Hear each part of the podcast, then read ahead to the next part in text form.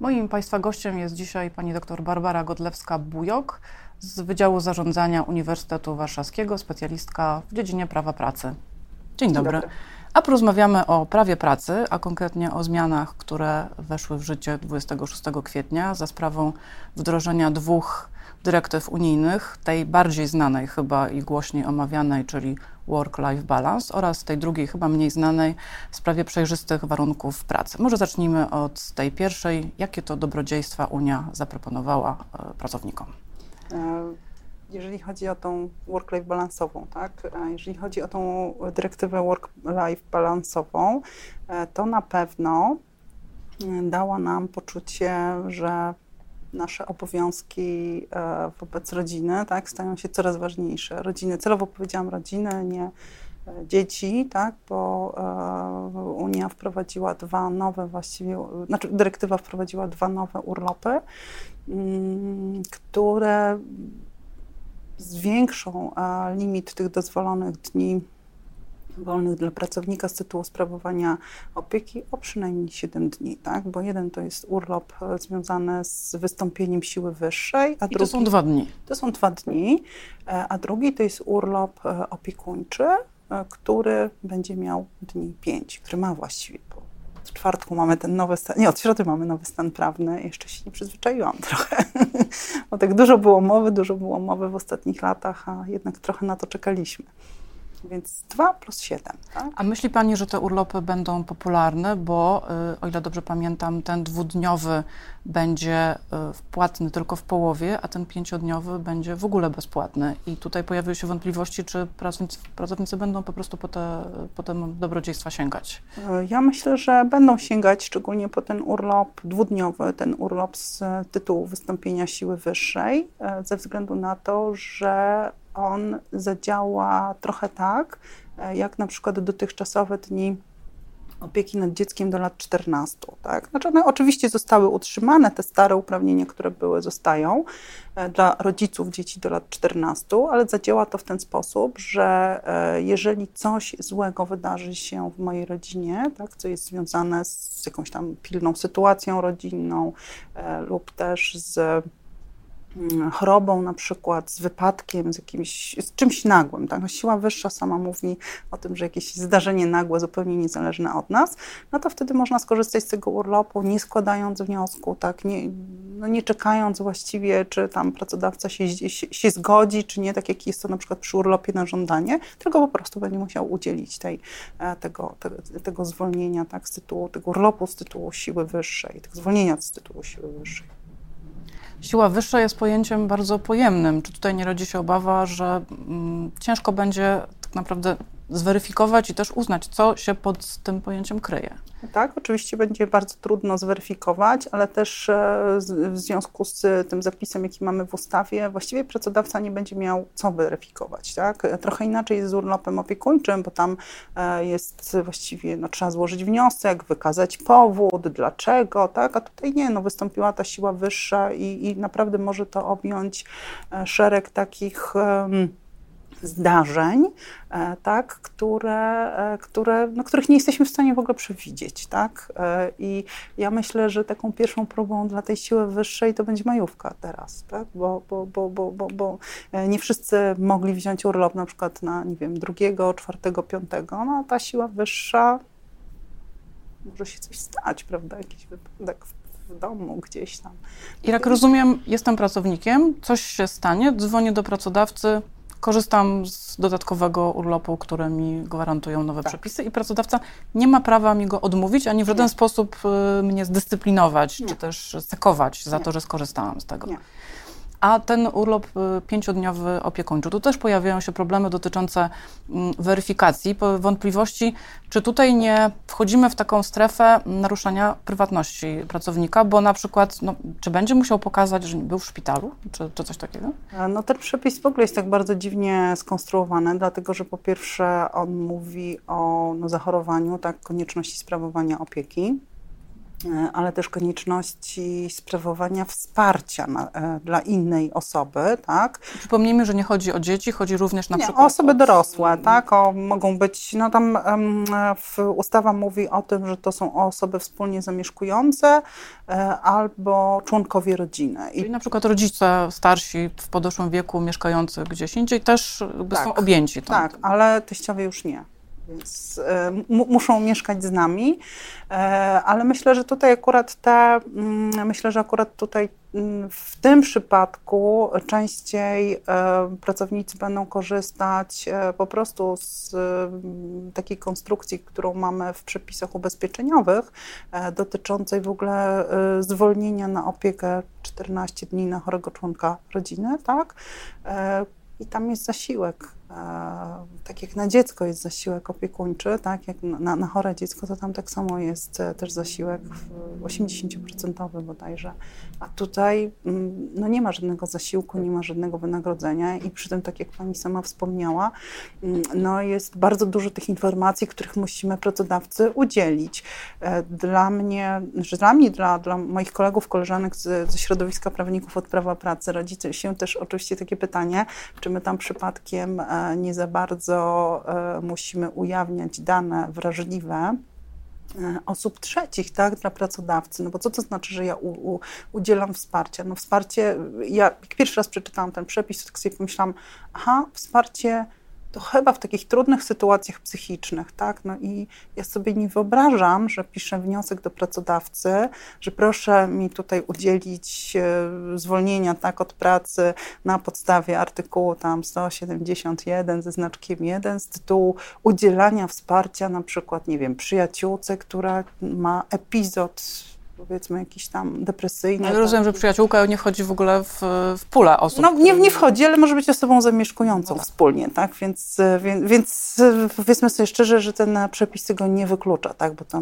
pamiętajmy, tam jest członek rodziny, y, który jest traktowany bardzo wąsko i tego też nie rozumiem, mm, no bo tam jest tam syn, córka, matka, ojciec, małżonek, tak?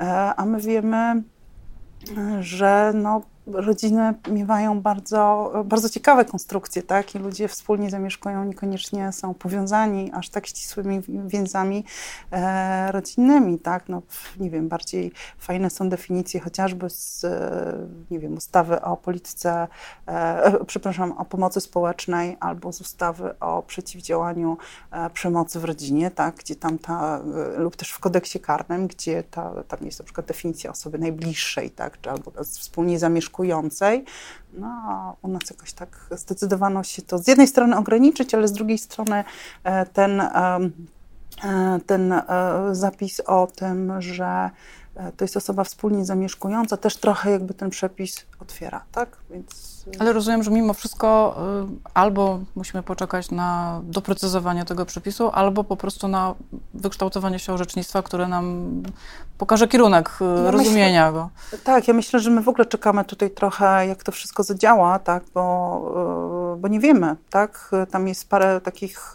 powiedziałabym, bardzo kluczowych i bardzo niedopracowanych fragmentów tej ustawy, ale wiadomo, w jakim tempie było to przygotowywane, w bardzo dużym niedoczasie, tak? E, bo pamiętajmy, że termin implementacji dyrektyw upłynął 2 połowie sierpnia, tak, w połowie zeszłego roku. E, no można to tłumaczyć oczywiście, że, że rozpoczęła się inwazja Rosji na Ukrainę. My, jako kraj przyfrontowy, nie było czasu, ale czas był tak naprawdę od 2019 roku, więc można było to zrobić dużo wcześniej, tak? A jednak e, tutaj no nie udało się jakoś na czas tego wdrożyć i, i chyba ponieśliśmy trochę też konsekwencje właśnie w wiekości tej zmiany, bo myślę, że takich miejsc, które budzą bardzo wiele wątpliwości, jest dużo, tak? I to nie, nie tylko dotyczące tej dyrektywy Work-Life Balance, ale również dotyczące wdrożenia tej dyrektywy o przejrzystych warunkach. Jeszcze zatrzymajmy się na dyrektywie y, Work-Life Balance. Mamy tam e, dodatkowe e, kilka tygodni urlopu rodzicielskiego, który de facto jest dla ojców. E, myśli pani, że co, panowie się ucieszą więcej czasu na remont garażu? Ja nie wiem, czy oni się ucieszą, czy, czy, czy oni się nie ucieszą. I ja w ogóle protestuję zawsze, jak słyszę, że to jest urlop na, dla ojców, czy też urlop ojcowski, bo to w ogóle nie jest ojcowski. Ojcowski też się zmienił trochę inaczej, na gorsze chyba niż to, co było. Protestuję, że to jest ojciec, że, że to jest urlop tacierzyński na przykład. Nie ma czegoś takiego w polskim systemie prawa. E, Unia wymyśliła to jako urlop dla drugiego rodzica, tak żeby ten drugi rodzic mógł korzystać z e, pełni możliwości tak, sprawowania opieki nad dzieckiem, bo też nie oszukujmy się, te urlopy są po to, żeby tą więź z dzieckiem budować. Tak? No ale jakoś tak polski ustawodawca to tak wdrożył, że dla matki tak? część i dla ojca. Pamiętajmy, że tak naprawdę ten urlop skonstruowany jest w ten sposób, że jest 9 tygodni dla matki, bo to jest ta wyłączna część dla matki, 9 tygodni dla e, ojca i 23 tygodnie, którymi, te, e, którymi ojciec i matka mogą się podzielić. Tak? E, to jest troszeczkę podobnie do tej, jak konstrukcja urlopu wychowawczego, że tam tak naprawdę mamy jeden miesiąc dla matki, jeden dla ojca, 34 do podziału, czyli łącznie rodzic może wziąć 35. E, no i tutaj też tak samo taka, taka, taka podobna zasada e, działa, tak? czyli 9 plus 9 plus 23 do wspólnego podziału. To nie jest może tak zapisane dokładnie w ustawie, tak?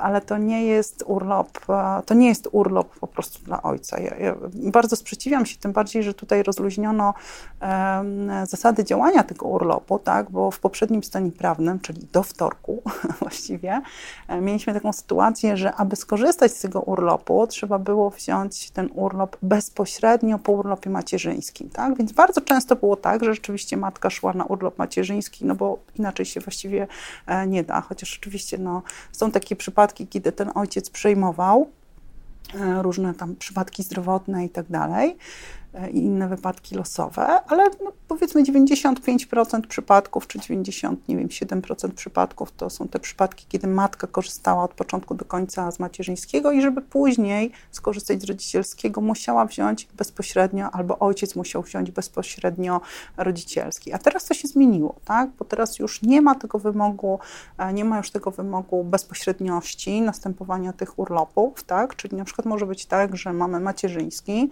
matka wraca do pracy po macierzyńskim, bo nie zdecydowała się e, pozostać na urlopie rodzicielskim, ani też ojciec nie zdecydował się na to, bo nie wiem, mogą zapewnić inną formę opieki dziecku. No i potem na przykład po roku po półtora roku decydują się na to, że ten rodzicielski biorą i mogą z tego skorzystać. Więc to jest niewątpliwe, niewątpliwy e, plus i ja myślę, że to bardziej będzie też działało właśnie na rzecz takiego e, lepszego podziału pomiędzy matkę i ojca dziecka. Tak mi się wydaje, że ta, ta, większa swoboda może e, w, troszeczkę tych, tych ojców odważyć do, do korzystania z tych urlopów, tak? Skupiliśmy się na, na dyrektywie Work-Life Balance. Czas już nam się kończy, natomiast no nie zapominajmy o wdrożeniu dyrektywy w sprawie przejrzystych warunków pracy. Czy mm, to jest duże wyzwanie dla przedsiębiorców? Bardzo.